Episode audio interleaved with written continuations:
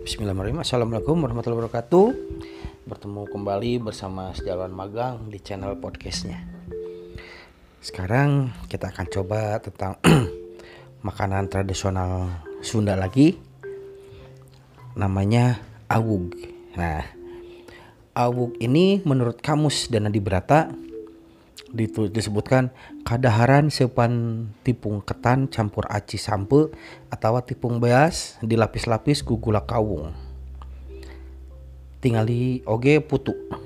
Ngadaharna dikeretan hela seperti mulahan roti terus diperlukan parut kelapa benang uyahan saetik nah jadi awuk ini adalah makanan yang apa yang dikukus terbuat dari tepung roti dan tepung tapioka dan dilapisi oleh uh, gula aren.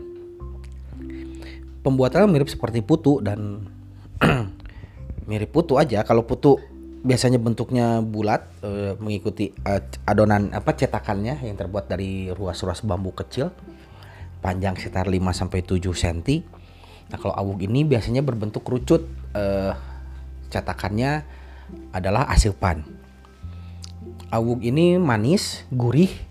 Kenapa gurih? Gurihnya itu dari kelapa karena eh, sebelum disajikan setelah dipotong-potong disajikannya itu dikasih taburan parudan kelapa yang sudah e, diberi garam sedikit jadi e, manis gurih gitu awuk e, enak dinikmati sore hari dengan teh pahit di Priangan dikenalnya dengan awuk tapi eh, di daerah Subang, Bogor, Cianjur, Sukabumi, mereka taunya dodongkal.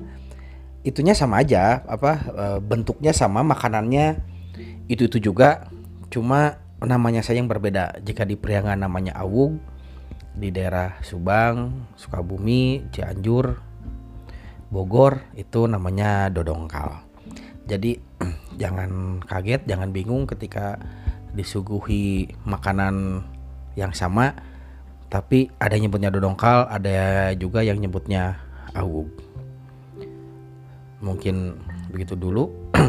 Eh, apa sekilas tentang awug kita ketemu lagi di kesempatan yang lain dengan pembahasan yang lain. Assalamualaikum warahmatullahi wabarakatuh